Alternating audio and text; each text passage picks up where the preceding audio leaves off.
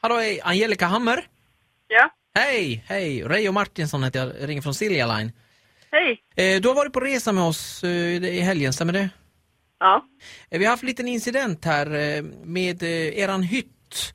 Tyvärr så vart vi tvungna att, att ringa grovstäd. vad var det då? då? Det var lite grann, eh, lite grann kaos i- på toaletten där. Det var stopp och det var, eh, var lite, lite bajs faktiskt. Lite här och där. Det såg inte alls trevligt ut. Nej. Okej, är det någonting som du känner till? Nej, det var stopp i våran toalett. Då måste man ringa och säga till vet du, för det där kan bli, blir det stopp i eran hytt då, då kan det bli, och så har det blivit också, det blir stopp i flera eh, toaletter. Okej. Kan du berätta lite grann, vad var det som hände? Men jag vet inte vad som hände. Ha- Hade, hade, var det någonting som var fel? Hade ni ätit på buffén eller var det någonting? Eh, nej, vi åt ju på det här grillhouse. Jag äter på grillhouse, jag skriver. Jag har haft några problem här med buffén nämligen. Okej. Så då har jag en liten faktura tyvärr eh, till dig som kommer på ytterligare då. Ja, ja. Det här är på 123 euro. Ja. Det- Du har- förstår varför vi måste göra så här, för det här var, det var nog bland det värsta jag sett Okej. Vi förstår ju att man vill åka på kryssningen och våra kunder ska ha roligt men, men eh, vi, vi, vi brukar säga så att vi kan låta udda vara jämnt om du kan tänka dig att framföra en ursäkt eh, till eh, vår städpersonal.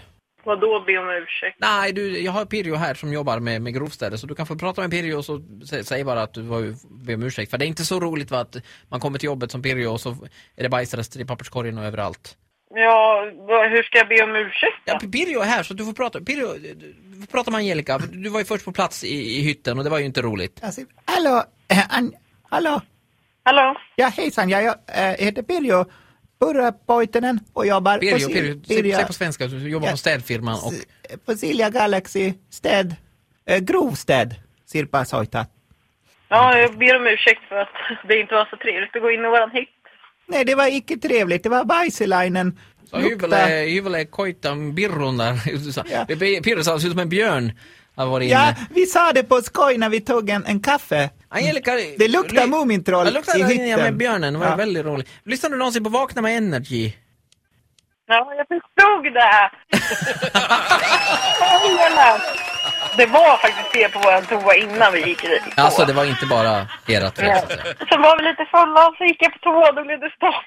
Och då- Så ville vi fixa det själva istället. Ja, var det då ni blandade in den här... eh, Och, eller vi tömde toaletten med en papperskorg.